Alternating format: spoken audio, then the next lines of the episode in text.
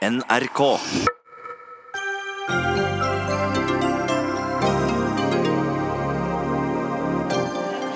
Flere etterlyser handlingsplan mot islamhat etter terrorangrepet mot Al-Noor Islamic Center i Bærum på lørdag. Men hva skal den gjøre? Jevn kamp om ordførerkjedet mellom Arbeiderpartiet og Høyre i Kristiansand, viser meningsmålingene, men det er 72 år siden sist Arbeiderpartiet styrte Sørlandets hovedstad, og nå søker de allianser til Høyre for Høyre. Det er ikke innvandring, det er ikke kommunesammenslåing, og det er ikke eiendomsskatt som engasjerer folk mest. Svaret er bompenger. Og hvordan har politikerne forstått det, egentlig? Og LO de vil ha flere rød-grønne kommuner som står imot regjeringens politikk etter valget, mens NHO ønsker mer private tjenester. Partene i arbeidslivet er også aktører i årets lokalvalgkamp.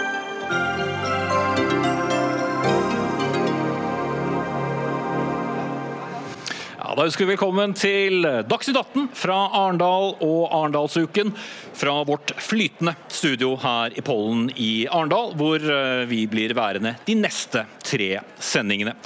En kommune på litt over 43 000 innbyggere, men som får besøk av over dobbelt så mange denne uken. Og noen av dem, både kjente og ukjente, kommer naturlig nok hit til Dagsnytt 18. Mot slutten av sendingen skal vi også prate med ungdomspolitikere om deres forventninger inn mot valgkampen. Men aller først. Den terrorsiktede Philip Manshaus ble altså i dag varetektsfengslet i fire uker etter angrepet mot uh, Al-Noor Islamic Center i Bærum på lørdag. Manshaus er også siktet for drapet på sin 17 år gamle stesøster. Han er ikke tidligere straffet. Skjermdumper som vi i NRK har fått tilgang til, viser at mannen skal ha vært aktiv i flere ulike nettfora, helt frem til bare noen timer før angrepet på moskeen i Bærum. Et angrep han også filmet. Lasse Josefsen, du er forfatter og skribent og har skrevet en rekke artikler for fritanke.no om den nye høyreekstremismen. Mm. Først av alt, hva vet vi om den siktede ut fra det som han altså la ut i forkant? Det er veldig lite egentlig foreløpig. Det vi vet er jo at Han la ut en beskjed om at han skulle utføre aksjonen på 4chan og NChan 2chan-forum. Så han ville sikkert legge den ut på A-chan, som er det forumet som ble brukt av Brenton Tarrant i Christchurch. Og... Hva, hva, er disse chan-forumene? det er litt vanskelig å forklare. men det er, det er, det er, det er Ville Vesten på nettet. Da, kan si. altså, du kan poste hva du vil der, mer eller mindre. Eh, og, og, Det har på en måte blitt arnested for uh, alt-right-bevegelsen og nye høyreekstremismen. Så det er viktige plasser å, å gjøre seg til kjenne? Ja, absolutt. Og Det er en grunn til at han valgte å gjøre det der. Det er, det er, han føler et, han ser seg selv som et ledd da, i prosessen som Brenton Tarrant starta i Christchurch. Altså, han posta på HN, og så kom John Ernest i San Diego. Og så kom, kom han der i, i Texas, f.eks. Så, så nå har vi fått vår egen da, her i Bærum. Mm. Så det er men eh, for mange som heier frem den slags handlinger, så var jo ikke dette noen suksess. Nei. Blir han likevel viktig? Nei, det tror jeg ikke. Eh, kanskje for norske høyreekstremister, men eh, se på det på 8chan så, så, så, dyrker de ikke John Ernest engang, for han greide bare å drepe én én jøde. Det var, nok, det var, ikke nok. Så. Så det er suksesskriteriet? Antall døde? Ja, de skal skape mest mulig kaos. Mm. I hvor stor grad overvåkes slike kanaler, og hvordan kan man overvåke det? Det er litt vanskelig, for det holder på 24 timer i døgnet. Det postes hele tida der. Eh, det er veldig vanskelig å overvåke det for eh, noen som helst, men altså, jeg tror jo selvfølgelig at eh, både PST og politiet har sine folk på det, men det er, det er veldig begrenset hva de kan gjøre. for det. Når en terrorist først har posta noe der, og så er han allerede i gang med aksjonen, da, si. så da, da er det for seint. Vi har med oss Gøran Kalmyr, justisminister fra Fremskrittspartiet på linje. Dere får ta på dere hodetelefoner for å høre ham, dere som er gjester i studio. Spørre deg først, Kalmyr. Har regjering og sikkerhetstjeneste undervurdert voldspotensialet som ligger i norsk islamhat? Det er eh, litt eh, vanskelig å svare på akkurat her og nå. Eh, vi har jo nå en etterforskning på gang på denne forferdelige saken. Og Det er litt tidlig å kunne svare på om hva skal man si, de forebyggende tiltakene har vært gode nok eller ikke. Men det som er et faktum, det er at vi nå står overfor det andre terroranslaget begått av en høyreekstrem i Norge. og Det er noe som vi må ta på alvor. Og så klart Dette rippa jo også opp dype sår fra 22.07. Eh, og man kan jo se flere likhetstrekk eh, her nå. Eh, og Det er alltid kjempevanskelig å skulle stoppe de ensomme ulvene som på en måte opererer uten å kanskje legge igjen spor i en større organisasjon.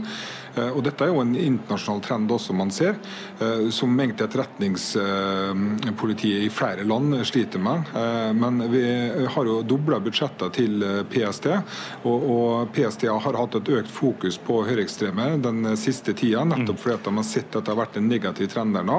Bare for å avbryte deg kort der, Kalmer, hvis du, hvis du tillater. Ja, PST fikk altså tips om denne mannen for ett år siden, uten at de da fant grunnlag for å undersøke mannen nærmere og for all del etterpåklokskap og dens eksakte vitenskap og alt det der. Men hva slags tanker gjør du deg om det? Nei, Det er vanskelig for meg å kommentere, for jeg kjenner verken til tipset eller hvordan PST vurderte den saken konkret på det tidspunktet. Det må etterforskninga vise hva man eventuelt burde ha gjort, eller om man skulle ha gjort noe annerledes. Eh, så, så, så, det må jeg nesten overlate til PST å svare på. Mm. Kamzy Gunnar du er varaordfører i Oslo fra Arbeiderpartiet. Eh, kan, eller kunne man gjort noe for å forhindre dette? Det kunne man jo, eh, men da føler jeg man reduserer alt ned til bare justisvesenet. Selvfølgelig burde justisvesenet vært bedre. Eh, vi har jo eksempler på bl.a. at gebrokkent norsk gjorde at man ikke tok dette her alvorlig nok til at Da det ble varslet? Nettopp. Og uh, til at man, man vet at høyreekstremisme er en større trussel enn islamistisk terrorisme, og ikke har fulgt nøyere med på dette. Men jeg syns det blir litt for narrow-minded å redusere dette ned til justisvesen. For det første så har vi ikke en regjering i dag som erkjenner at islamofobi er et problem. Det sies nå. Nå etter lørdagen sies det. Regjeringen har aldri sagt det før. Nummer to så oppstår ikke hatytringer i et vakuum. Hatytringer oppstår fordi folk har fordommer som utvikler seg over tid. Og det har denne regjeringen latt eh, tillatt eh, gjøre i de ulike samfunnene. Men gir dem ikke for mye ansvar nå? Eh, nei, det gjør jeg ikke. For, altså, jeg må også ta større ansvar. Oslo kommune kan gjøre mer. Men poenget er at det hjelper ikke å redusere dette her til For det første så er det veldig mange politiske som reduserer dette her til innvandring og ikke-spørsmål. Dette her er et sosialt ulikhetsspørsmål. Folk faller utenfor fellesskapet, havner i et utenforskap og bygger videre på polariseringen. Eh, og det andre er at dette handler om alle politiske områder. Hvis ulike mennesker ikke møter hverandre i barnehage, i skole, i arbeidsliv, så vil fordommene blomstre, og der må vi alle bidra mer. Mm. Men du har vært med på å styre hovedstaden i uh, ganske nøyaktig fire år. Har dere gjort dette noe bedre? Eh, vi har bidratt til et sterkere fellesskap, og sterkere fellesskap skal vi få. Eh, og vi har også eh, bestilt fra byrådet å komme med en handlingsplan mot hatytringer. Mm. Kalmyr, du må få svare på noe av det som kom fra Gunnar Atnholm her. Ja, altså, jeg, jeg, tror En av de store utfordringene er jo det at uh, man vet jo altfor lite uh, hva som trigger disse personene på den høyreekstreme sida. Derfor har jo bl.a. Uh, regjeringa satt i gang et forskningsprosjekt i, på Sirex-senteret. Uh, fordi at Vi trenger rett og slett å gå litt mer inn i kunnskapen om dette. her nå. men så vil jeg også understreke det, at dette er jo det første angrepet vi har hatt på en moské i Norge på 30 år. og jeg tror nok det at Mye av grunnen til at man ikke har hatt de svenske ønsketilstandene, hvor, eh, hvor 59 eh, av alle moskeer i Sverige opplyser det at de ut, har vært utsatt for fysiske angrep. Det er litt det at vi har hatt et annet debattklima i Norge, hvor det har vært lov til å stille spørsmål om innvandring. Eh, noe som ikke har vært særlig akseptert i Sverige. Eh, og, men, så klart det at Hvorfor da enkelte personer i Norge går så langt som det vi har vært vitne til nå, det, det, tror vi er nødt til å gå litt dypere inn i. Eh, og Jeg tror ikke at her kan vi skylde på noen andre enn gjerningsmannen sjøl. Og jeg tror heller ikke vi kan skylde på at man ikke er en del av fellesskapet. For dette er jo relativt ressurssterke ungdommer fra Oslo vest og Bærum som har begått de verste ugjerningene. Mm. Gunnar Atne. Altså, Hatytringer og terrorister oppstår ikke i et vakuum. Vi har alle et ansvar. og Når vi svikter i ett tiltak, så har vi virkelig svikta uh, på alle nivåer. og Det mente jeg når det gjaldt uh, Anders Behring Breivik, og det mener jeg nå også. Men, Men konkret, spør... hvor, hvor, hvor er sviktet? Sviktet ligger i at vi ikke skjønner hvordan alt henger sammen med alt. Eh, vi skjønner ikke hvordan det henger sammen at hvis ikke ulike barn går i samme barnehage, så oppstår det fordommer. Hvis ikke ulike barn kan gå i samme fellesskole, så oppstår det fordommer. Hvis ikke folk er i arbeidslivet, så oppstår det fordommer, fordi det ukjente er det vi frykter. Mm, så vi har en slags form for parallellsamfunn som gjør at ikke vi forstår hverandre. Ja, eh, dessverre. Eh, og det er eh, vanskelig å si i Norge, fordi i Norge er vi bedre enn alle andre land. Men hvis du spør muslimsk ungdom, hvis du spør muslimsk ungdom i Oslo, og Norge for så vidt, så kan de fortelle deg at også retorikken til politikerne, penger man gir til blogger som bidrar til å polarisere altså hatuttrykkene ytterligere, det er ikke akkurat ting som bidrar i riktig retning. Og nettopp parallellsamfunn har jo dere også advart mot, Kalmyr. Ja, altså, jeg, jeg, tror nok det er litt uenig med Kamzy på litt uh, flere punkter. nå, fordi at jeg mener jo det at det at man har hatt en takhøyde for å diskutere innvandring i Norge, har jo bidratt til at det har vært mindre motsetninger. Uh, og Hvis man ser på Sverige, så ser man at det er en mye større antall uh, fysiske angrep mot moskeer. altså 59% av moskeene der forteller at de har blitt utsatt for fysiske angrep. Det er et mye mer sterkere høyreradikalt miljø i Sverige enn det det er i Norge. Og, og, og, motsetningene er mye sterkere enn det det er i Norge. Eh, I Norge så har vi en tradisjon for at vi kan ta opp problemstillinger, f.eks. rundt tvangsekteskap, kjønnslemlestelse, eh, kvinneundertrykking i islamske miljø. Og så kan man diskutere dem, og så prøver man å få til en god løsning på det. Det tror jeg er en mye bedre fremgangsmåte enn det som Arbeiderpartiet foreslår, at man skal begynne å forby ytringer. For det vil bare gjøre at de, eh, folk forsvinner inn på de kanalene sånn som Agen og sånt der nå, og der er folk mye mer radikalisert enn det de er på vanlige kanaler. Vi skal ikke ta den uh, hatytring og bøtelegging en gang til, for den tok vi for en uke siden. Men Martin Aurdal, eh, kommentator og debattansvarlig i uh, Dagbladet. Kan denne hendelsen fra lørdag få politiske virkninger? Jeg tror nok ikke at den kommer til å få store konsekvenser for valg, dersom det er det du spør om. Men det, den vil være en vekker for mange av diskusjonene rundt hvordan vi håndterer eh, fremmedfiendtlige holdninger i offentligheten. Eh, og der bærer vi alle eh, som deltar i den offentlige samtalen, et ansvar. Vi ser jo at utviklingen i, Norge stort sett er positiv. Fordommer mot muslimer finnes i stort omfang, men nordmenn flest blir mer liberale.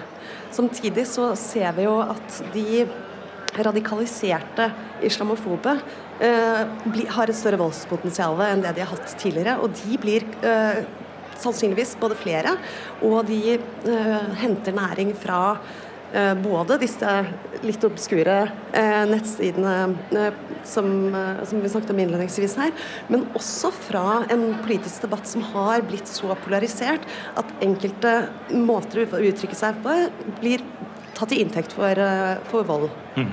Men i over åtte år, siden 22.07.2011, eh, så har vi jo snakket om nettopp hvordan vi skal kunne takle eller hindre fremveksten av ekstremisme. Uh, fikk vi nå et eksempel på at det ikke var bra nok? Dessverre så vet vi jo at uh, debatten rundt islam på nettet har blitt mye verre siden 2011. NRK Satiriks hadde jo et prosjekt på dette tidligere i år, som, som jo ble lansert like før terroren på New Zealand, som, som viste at sitater fra Breiviks manifest, som i 2011 ble oppfattet som sjokkerende konspirasjonsteorier, i den grad at man da tok det til inntekt for, som bevis på at han var utilregnelig i starten, nå har blitt del av den offentlige samtalen på en måte som gjorde at alle de 40 innleggene eller hva det var, eh, ble tatt inn på en av de såkalte eh, alternative mediene, altså de islamkritiske bloggene. Men uh, Josefsen, vi så jo også en mann som var tungt bevæpnet. og Det var vel også en overraskelse? Ja, for så vidt. Altså, nå vet ikke jeg hvor han har fått tak i våpna fra. Men jeg ser jo hvor han har fått ideologien fra. Da, i hvert fall. Altså, han poserte med SS Totenkopf på badgen sin. og den maska tyder på at han har i fall fulgt med på de mest ekstreme delene av høyreekstremismen i USA. Uh, og der er jo Det som gjør de så skumle, det, er at de har mista all troen på politikk. De vil bare rasere samfunnet. De vil ikke bygge videre på det. De skal rasere det og så bygge noe nytt på det igjen. Så de er ekstra revolusjonære og sinte nå om dagen. kan man si. Men dette er da altså folk på utsiden av de aller fleste sider? Ja, ja, det, det er utafor alle de normale politiske rammene vi har, egentlig. Mm. Gøran Kalme, jeg har bare lyst til å avslutte med deg. Altså Utgjør høyre ekstremistiske miljøer større terrorfare enn uh, ekstreme islamistiske miljøer i Norge? Jeg tror ikke jeg skal begynne å vekte eh, hvor mye fare eh, mellom dem det er. Eh, det som vi har et fokus på, det er at vi er bekymra både for høyreekstrem terrorisme og islamradikalisert terrorisme. Det er det terrortrusselbildet vi jobber aktivt imot. Og så er det så klart det at det vi kanskje er aller mest redd for, det er ensomme ulver på begge sider. Det er det som er det vanskeligste å stoppe. Eh, men vi har altså dobla finansieringa til eh, PST, nettopp fordi vi ønsker å sikre innbyggerne våre. Eh, og klart det er et mål for oss å like mye sikre moskeer som alle andre gudsrom. Så, så, dette er et fokus som vi har hele tida. Mm. Da må jeg sette strek der. Mannen er altså foreløpig varetektsfengslet i fire uker. Takk skal dere ha, Gøran Kalmyr, justisminister fra Fremskrittspartiet, Kamzy Gunaratnam, varaordfører for Arbeiderpartiet i Oslo, Martin Aurdal, kommentator, og debattansvarlig i Dagbladet, og Lasse Josef Josefsson, skribent. Dagsnytt 18 alle hverdager klokka 18.00 på NRK P2 og NRK2.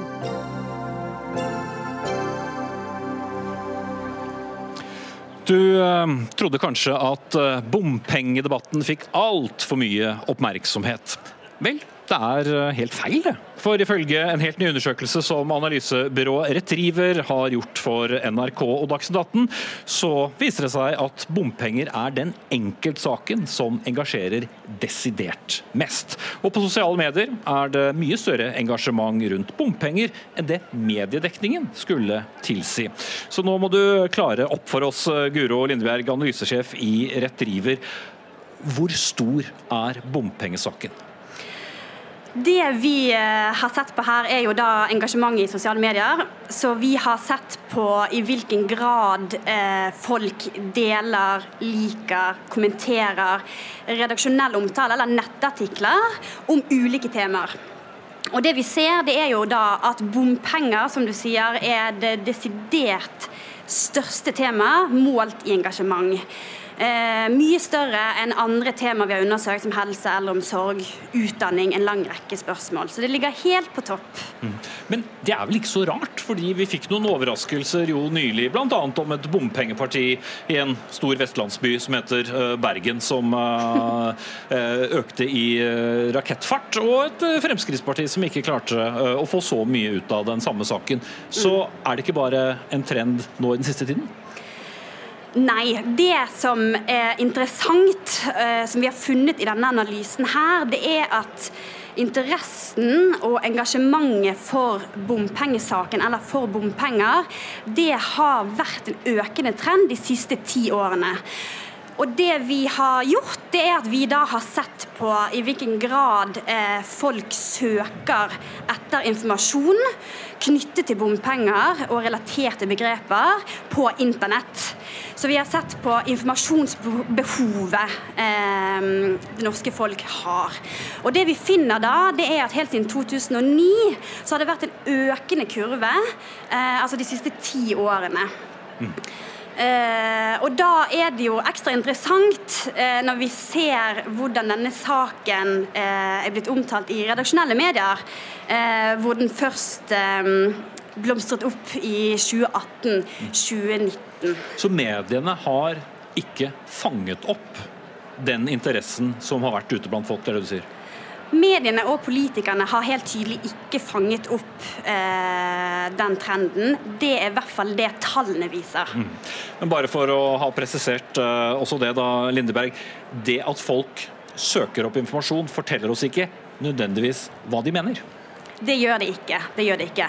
Men det viser at det er et uh, informasjonsbehov og en interesse som gjør at folk går ut der og søker den informasjonen. Så du kan tolke det helt klart til at um, det ligger en interesse der. Det er noe som har um, som bryr folk. Mm. Ja, Bård Hoksrud, stortingsrepresentant fra Fremskrittspartiet. Bompengesaken det er det som engasjerer eh, voldsomt. Dere har jo mast om å kutte bompenger eh, i, i årevis. Eh, hvordan vil du si dere har skåret på den fronten?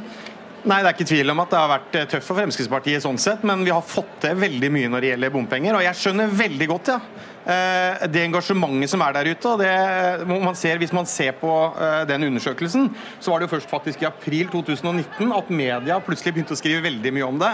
Eh, før det så var men engasjement hos folk har vært stort hele tida, hvis man ser på det. Mye mye høyere enn det media har vært villig til å skrive om. Og jeg har jobba masse for å få lov å diskutere bompenger eh, og få redaksjonelle oppslag, fordi jeg møter mennesker som, eh, når jeg treffer de ute, er veldig opptatt av dette. Fordi det handler om hverdagen deres og hvordan de skal få den til å gå opp. Og det koster mens, mye penger. Mens den regjeringen som du er en del av da, har eh, stemt gjennom store bompengeforsøk. Jo, men Det er fordi det er et stortingsflertall hvor alle de andre partiene syns det er helt greit med bompenger. Det gjør ikke Fremskrittspartiet. Vi kjemper hver eneste dag. Vi har fått redusert eh, bompengene. Vi har fjerna bomstasjoner nettopp fordi det har vært viktig for oss å redusere belastninga for vanlige folk. Men du ser at folk sliter litt med å forstå at dere er eh, imot bompenger når det gjennomføres nye bompengeprosjekter også nå nylig? Ja, men jeg tror, Det er jo dette jeg sier at det er viktig at eh, Jeg skjønner at noen syns det, det, er rart, men det handler også om at man har et politisk flertall. og Alternativet ville vært mye mye mer bompenger. At det er sånn at når jeg var statssekretær i Samferdselsdepartementet, så reiste jeg til Alta og reiv bomstasjon. Det gir alle de andre partiene ville ha bomstasjoner. Jeg sa bare at her blir det ikke bomstasjon fordi Fremskrittspartiet sitter i regjering. Vi har samferdselsministeren. Det viser at det er mulig.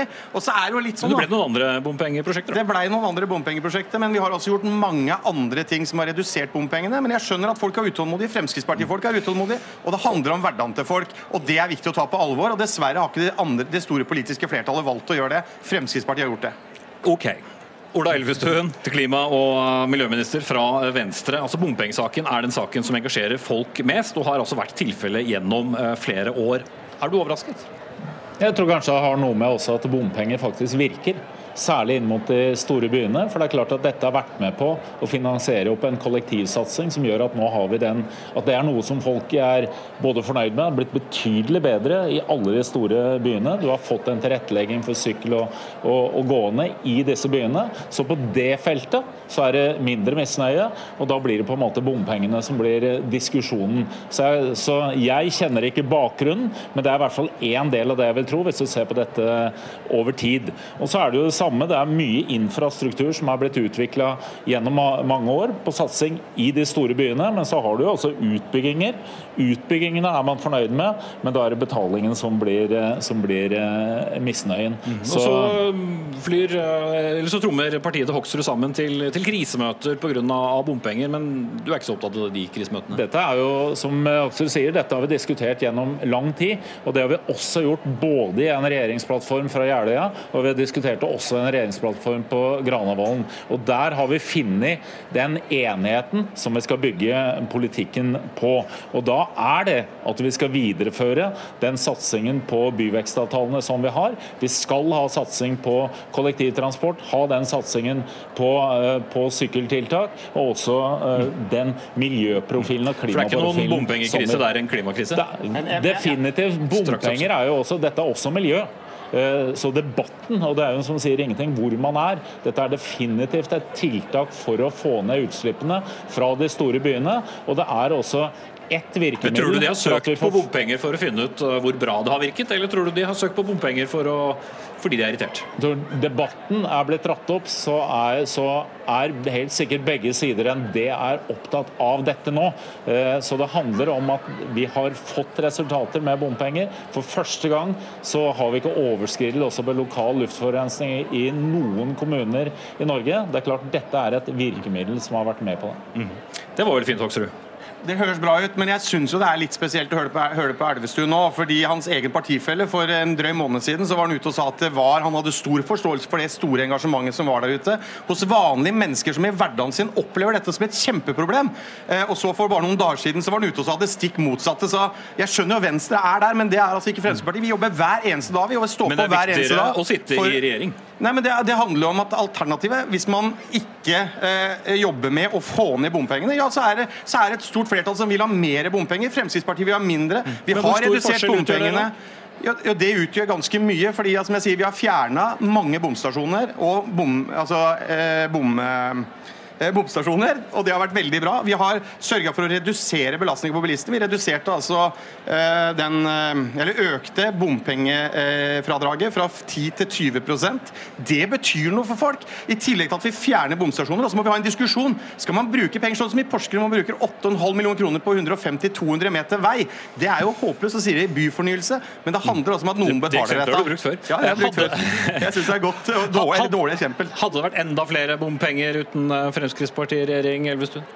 Nei, jeg tror nok at Fremskrittspartiet definitivt vært med på den eh, veiutbyggingen som vi ser utover hele landet, og de har vært finansiert med bompenger. Det er at du får, Vil du ha det ene, så får du gjerne også det andre. Det vi skal ta ansvar for, er at vi har resultater inn mot de store byene. Eh, og Da handler ikke det om at bompengene er et mål i seg selv, men det handler om at du må få til de store grepene. Enten det er Bybanen i Bergen, det er T-banen til Fornebu i Oslo, eller det er eh, bussveiprosjekter andre steder. I tillegg til at du må drifte dette systemet eh, for å få det til å gi den effekten som vi trenger. Og Da trenger du en finansiering også fra bompenger. Det er ikke bare den. Man betaler jo billettene sine. Og du har også både eh, satsing fra lokale myndigheter og ellers på staten. Vi har jo femdobla satsingen inn mot de store byene og kollektivsatsing er, der siden 2013. Det, det, er vi selvfølgelig glad for, ja, ja, det. Det er viktig å bruke mer penger for å bygge infrastruktur både i byer og landet. At, at dere er så glade sammen om akkurat det, da, men dere er jo så uenige om, om disse øh, bompengene. Men da må dere i så fall ta den store diskusjonen hvilke andre penger man skal bruke, og hvilke andre prosjekter som skal få mindre. Og jeg kjenner ikke så mange politikere som i hvert fall ikke på TV eller radio har lyst til å si at noe skal få mindre. Nei, men Det handler litt om hvordan man ønsker å bruke pengene våre. og Vi ser på hvordan kan man få til å bruke pengene på en mer effektiv måte. Hvordan kan vi få mer ut av pengene. Nye Veier er et glimrende eksempel på det. Vi altså kommer til å spare bilistene for, eller samfunnet for rundt 30 milliarder kroner fordi vi bygger ut på en helt annen måte. Vi bygger ut raskere, vi bygger ut mer, og vi bygger ut billigere. og Det er jo kjempebra for folk. Da får man mer vei for mindre penger, og det er kjempebra. og uten bompenger på det. Og så må du ha helhetlig satsing. Dette ligger i den enigheten vi har. Ja, jeg er også enig i at dårlige veier er ikke gode uh, miljøtiltak, men du skal ha den uh, balansen også opp mot den satsingen vi trenger på jernbane. Og den satsingen vi har inn mot de store byene, er det nødvendig å fortsette. Jeg vil avslutte med deg, eh, Lindeberg. Hvem har på en måte ansvaret da for at det har blitt et så stort sprik i mediedekningen og folks engasjement i denne saken? Ja, nå eh, vet ikke jeg om jeg skal stå her og fordele skyld til enten dere eller til mediene. Ehm, det som er interessant her, er jo at dette her er en trend som har pågått over ti år. Og verken mediene eller politikerne har fanget det opp før det var på det nivået. Og det ligger, bare for å ta det, hvis man har sett litt på tallene, det ligger ganske mye høyere enn absolutt alle andre saker. Det ligger høyere enn kommunesammenslåing, høyere enn innvandring, eh, høyere enn tema som man kunne tenke eh, ville vise en lignende kurve. Mm. Så jeg lar bommen gå ned over eh, denne diskusjonen. Takk til Guro Lindeberg, analysesjef i Retriever, Bård Hoksrud, stortingsrepresentant for Fremskrittspartiet, og Ola Elvestuen, klima- og miljøminister fra Venstre.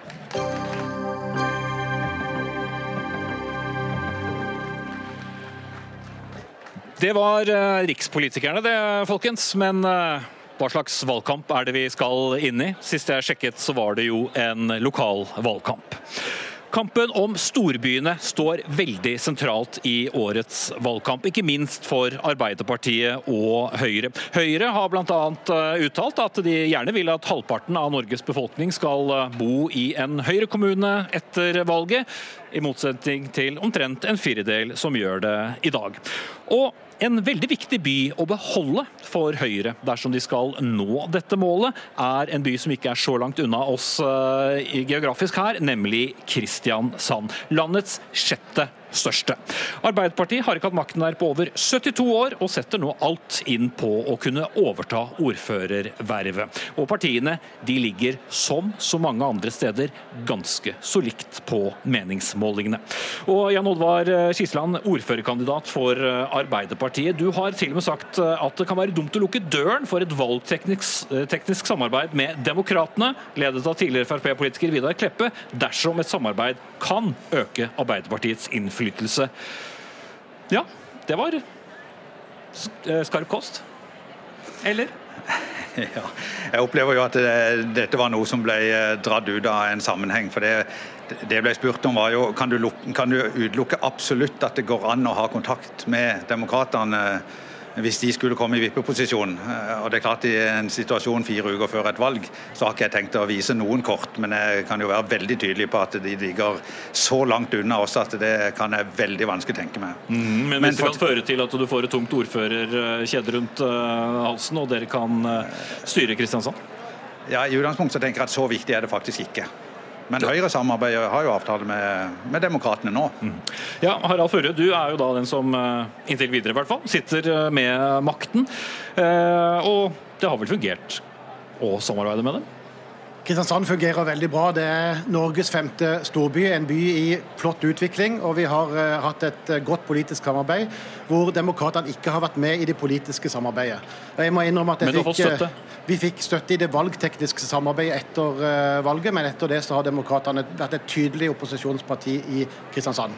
Og jeg må innrømme at jeg fikk ordentlig hakeslepp da jeg leste i Fedrelandsvennen for et par uker siden at min motkandidat i Arbeiderpartiet ikke hadde reflektert over om han kunne ha et politisk eller et valgteknisk samarbeid med Demokratene. Å ha et men, men bare... politisk samarbeid med Demokratene er helt utelukka fra Høyre. Ja, du må bare skille litt på, for hva er et valgteknisk uh, samarbeid, og hva er et politisk samarbeid? For det tror jeg mange velgere lurer på i mange kommuner, fordi at det i år nettopp trengs så mye støtte. For det er så likt mellom, av, eh, eller, eh, mellom de to blokkene. Det skjønner jeg veldig godt. Valgteknisk er at en blir enig etter valg om å stemme for å fordele noen verv, sånn at alle på mange måter får noen oppgaver.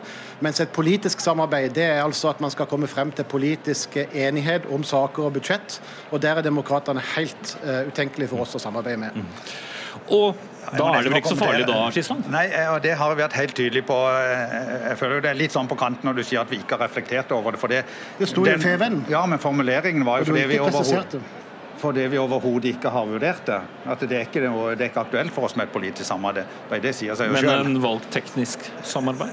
Ja, Det har vi faktisk ikke vurdert, for det får vi ta etter valget. Men det tenker jeg også er utrolig lite aktuelt. Mm. Jeg tror vi står mye lenger vekk fra demokratene enn vi gjør, enn det Høyre gjør.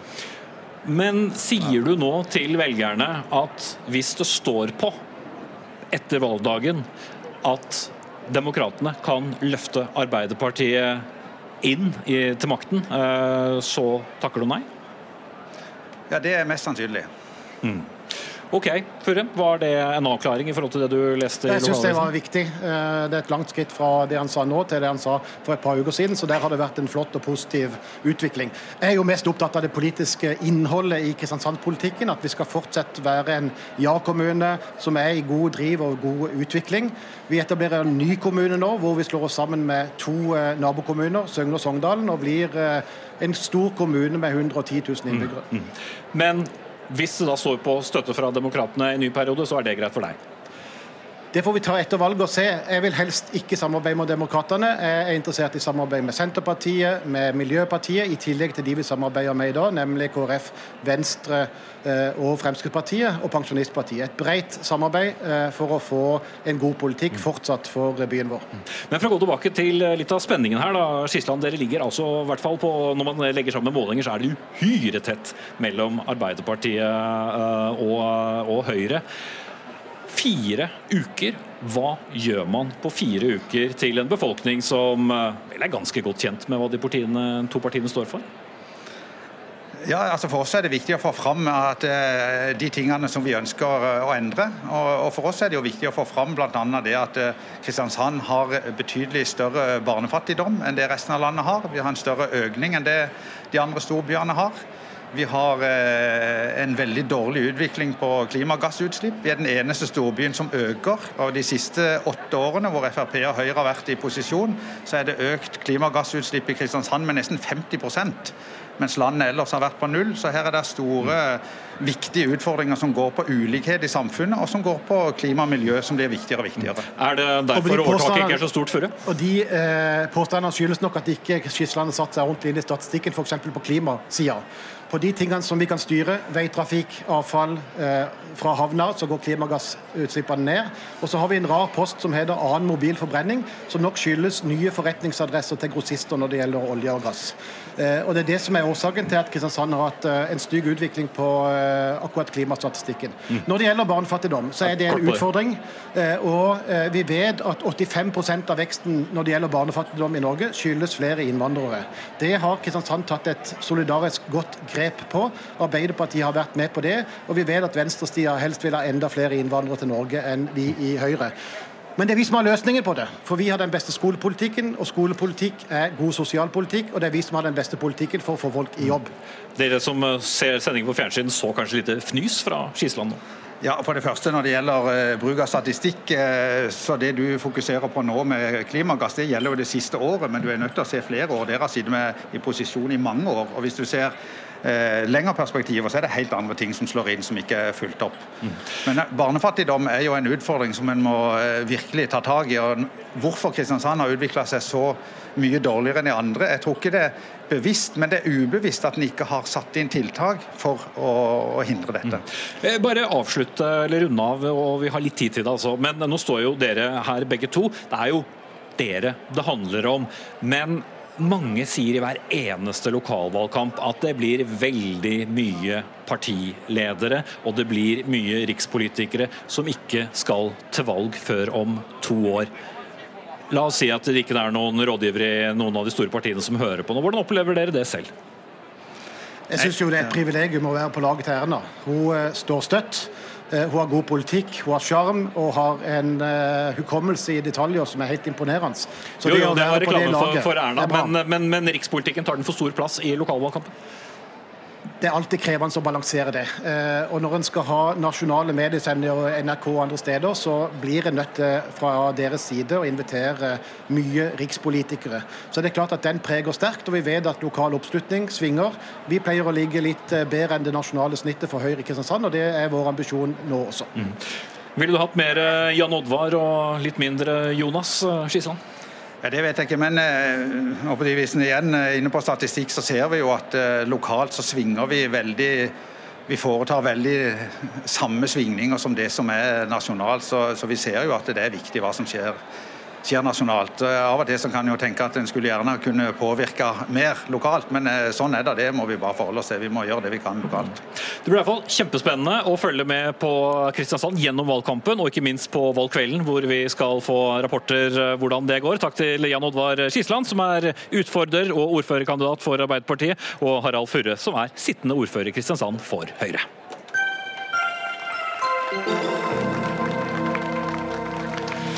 Men det er jo selvsagt ikke bare politiske partier som girer seg opp før valgkampen.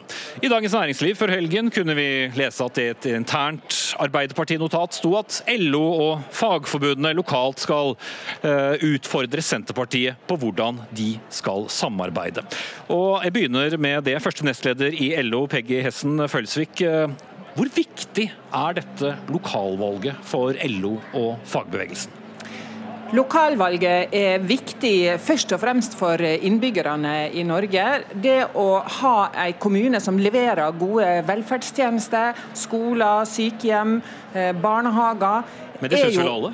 Ja, men det er allikevel sånn at for LO, som har nesten en million medlemmer, så er dette eh, utrolig viktig, ikke bare for medlemmene våre, men også for, eh, for, innbyggerne i disse kommunene. Og så er jo også kommunen arbeidsgiver for nesten en halv million ansatte i Norge. Og mm. veldig mange av disse er også LO sine medlemmer. Så, så, uansett hvordan du ser på det, så er dette viktig for oss. Og da er det viktig for dere at Arbeiderpartiet, som gjorde et bra valg for eh, fire år siden med en oppslutning på 33% fortsatt gjør det bra. For oss er det viktig at eh, Arbeiderpartiet og de rød-grønne partiene som styrer i kommunene får lov å fortsette jobben sin med å sikre fulle, hele, faste stillinger i omsorgssektoren. Med å vedta tiltaksplaner mot sosial eh, dumping. Med å eh, ikke privatisere eh, velferdstjenestene våre. Så for oss er det eh, viktig at det arbeidet, viktig arbeid får fortsette. Mm. Eh, Ole Erik Almid, du er administrerende direktør i NHO. Dere liker jo alltid å poengtere at dere er eh, partinøytrale, men syns du samtidig det er greit at eh, den andre delen i arbeidslivet favoriserer så klart ett parti? NHO har jo valgt en litt annen tilnærming til dette. Vi kutta ut partistøtten for 19 år siden fordi vi så at det var viktig å tenke bredt. Og når man da skal prøve å utvikle god politikk for norske bedrifter. Så vi valgte nok litt annen tilnærming til det. og Det vi ser da, det er jo det at NHO samarbeider nå veldig bredt med veldig veldig mange. Og vi har jo nå utfordra bl.a. ordførere rundt omkring i landet på å signere ordførerløftet. Da ser vi at alle partier knytter seg til det ordførerløftet, og dermed også står opp for norske bedrifter. Så vi har valgt en litt annen tilnærming. Mm. Men til det jeg spurte om, er det problematisk? Nei, men Det som kan være problematisk med det, er at hvis det nå begynner å bli stilt spørsmål om tilliten til trepartssamarbeidet, fordi at noen er for tett, da risikerer vi at færre jeg støtter opp om trepartsmodellen, som er veldig problematisk for oss begge to. Og jeg må jo si det at eh, Hvis du tenker på det organiserte arbeidsliv, som vi er veldig opptatt av, både LO og NHO, så må vi også ønske alle velkommen inn og ikke stenge noen ute. Mm. Felsvik, eh, dere er enige om mye. La oss være helt eh, enige om det. Men det er noen saker som har noen ganske klare ideologiske skiller. Og det handler bl.a. om bruken av private tjenester. Mm. Og det er en viktig sak i denne lokalvalgkampen. Ja, Vi kan ikke helt forstå at det skal være så viktig for NHO at eh, penger som vi skal bruke til gode velferdstjenester, i stedet for skal brukes til å gjøre amerikanske millionærer enda rikere.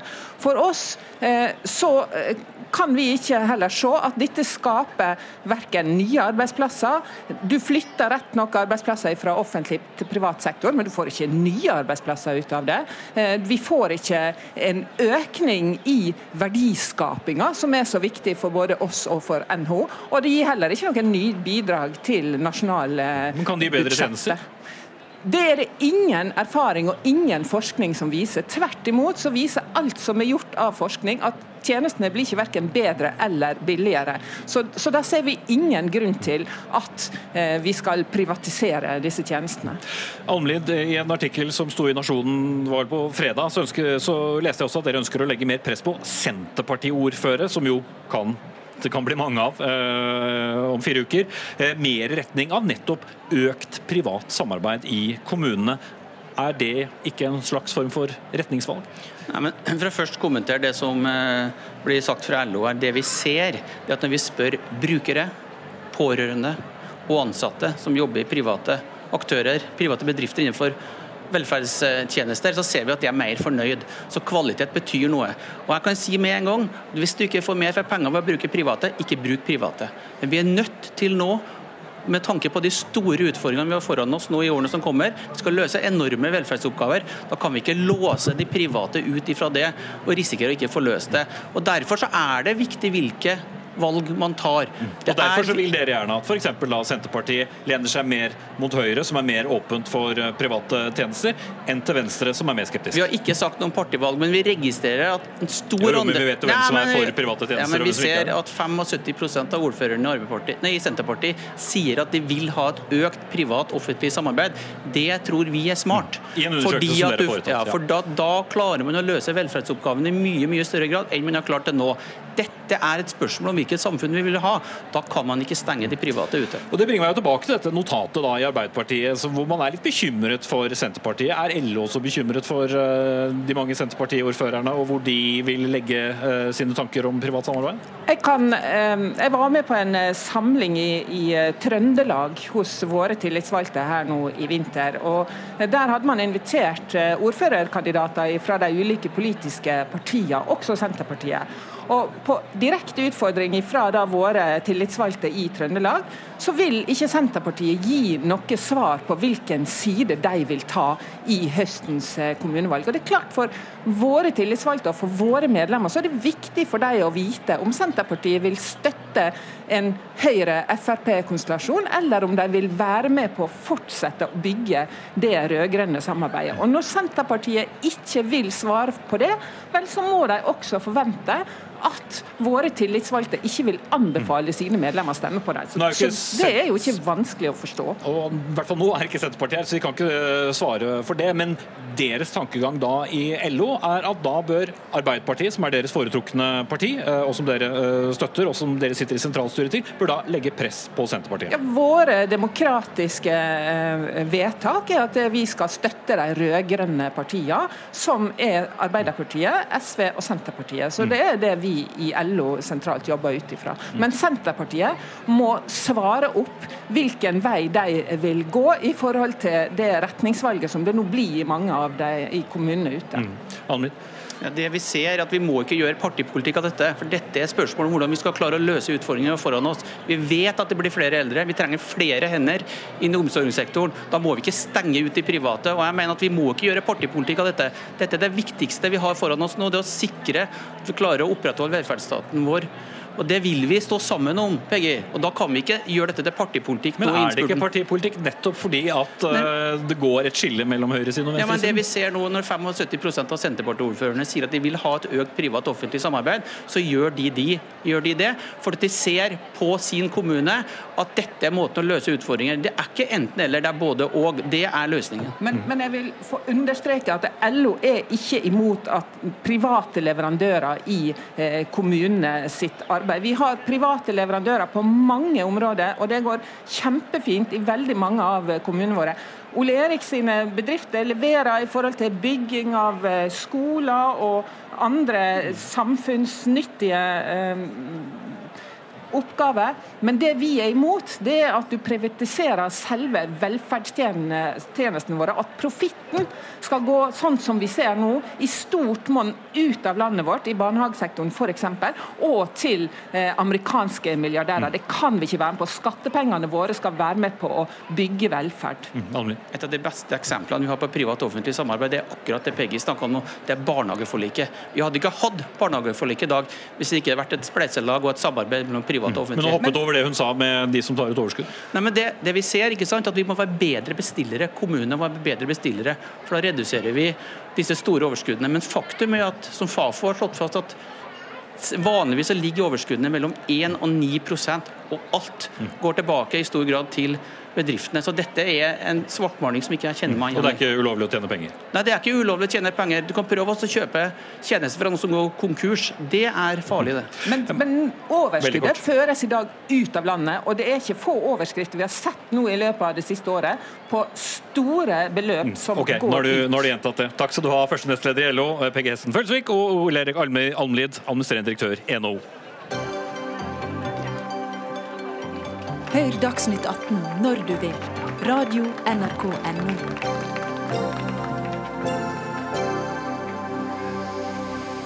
Jeg vet ikke hvor ofte vi pleier å si eh, nå starter valgkampen for alvor, men vi sier det her og i, i Arendal. Det er partilederdebatt på NRK i kveld, og ikke minst er jo alt som kan krype og gå av partier og interesseorganisasjoner samlet i eh, Arendal.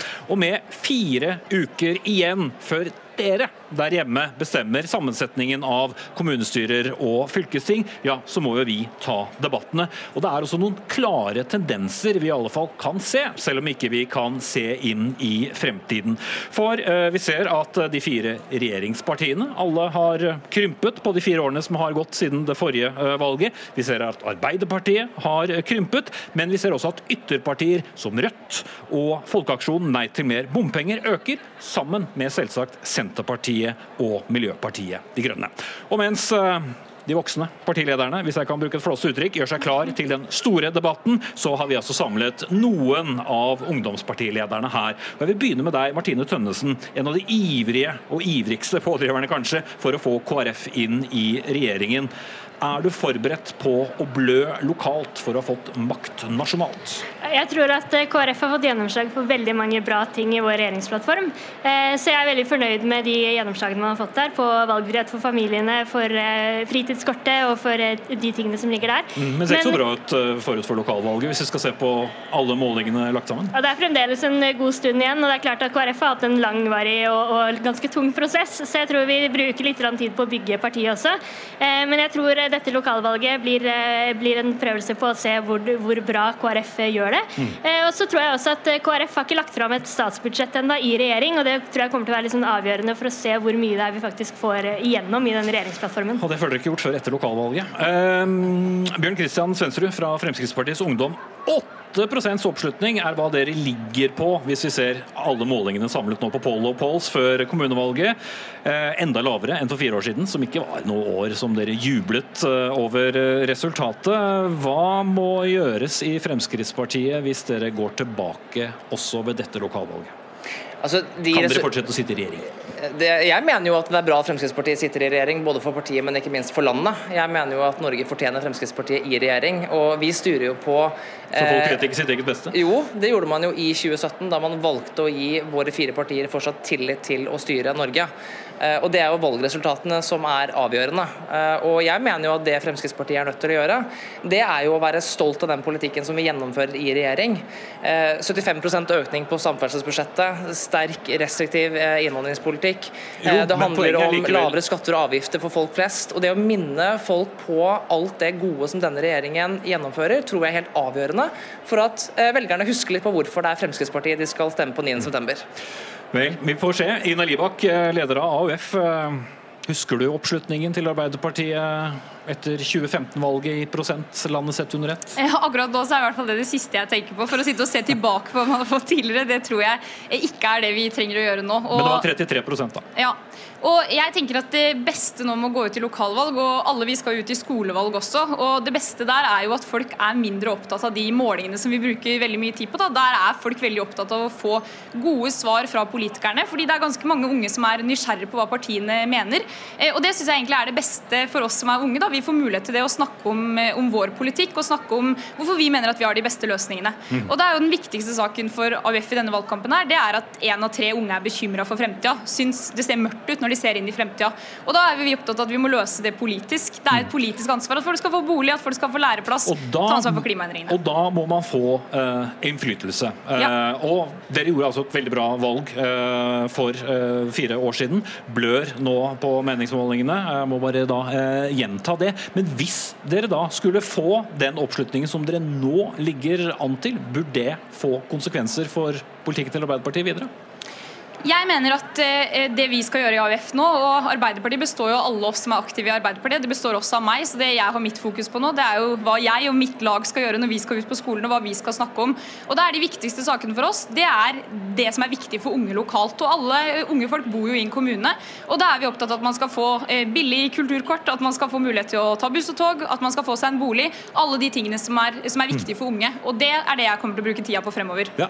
Eh, Arbeiderpartiet ligger for øvrig på rundt 25 hvis man legger sammen eh, de fleste siste målingene. Og så vil alltid komme målinger som viser noe annet. Men noen som kan glede seg over vinden i seilene, er jo deg, Hulde Holtvedt, leder av Grønn Ungdom. For Miljøpartiet De Grønne er større enn både Venstre og KrF på landsbasis, og faktisk fjerde størst, hvis vi ser de seks største byene i landet under ett. Men dere er bak bompengepartiet.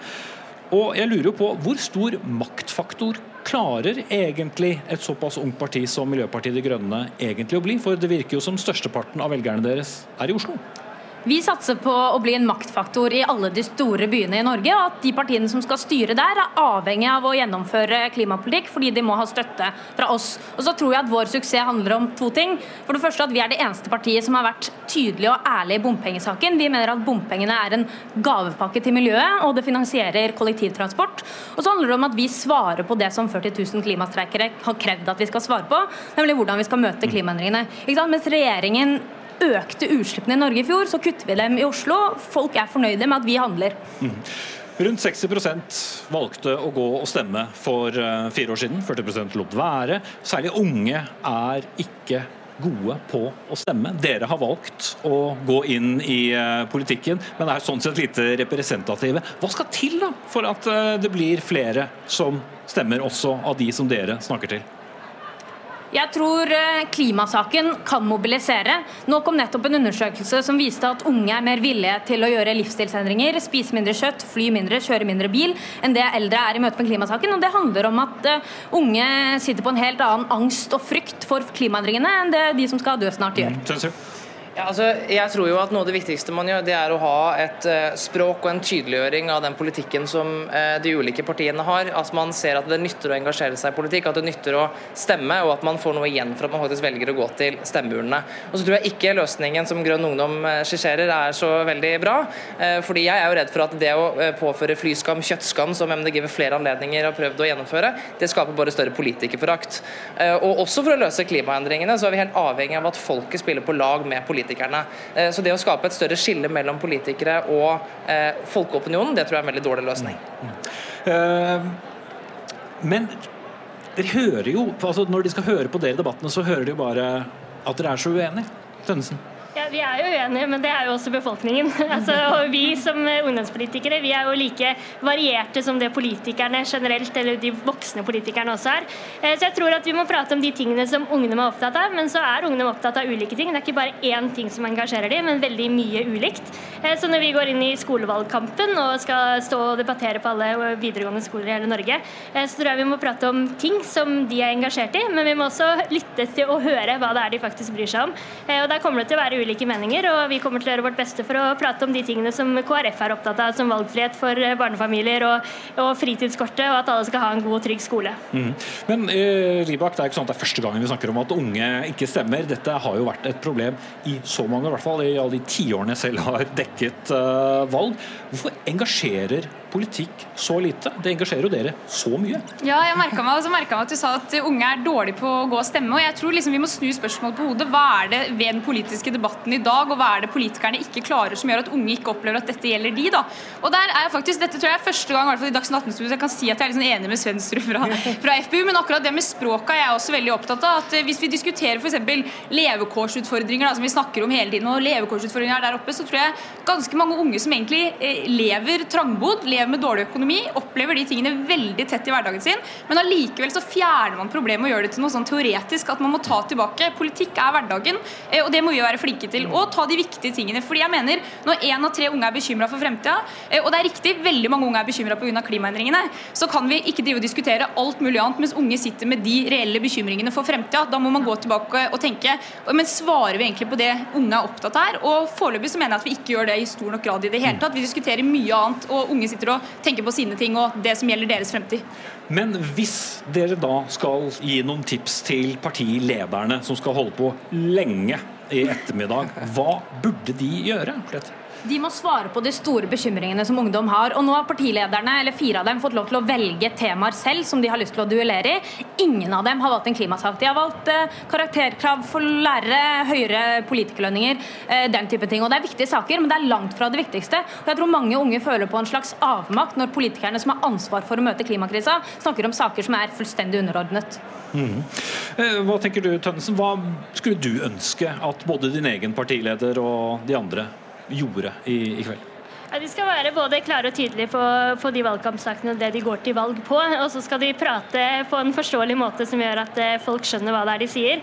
Eh, så der er det egentlig gode sånn, kommunikasjonsråd, tror jeg, som jeg har lyst til å gi dem. Og så eh, må de stå for, for det de mener, og, og, stå for de sakene også når, det, når de møter litt motstand. Mm.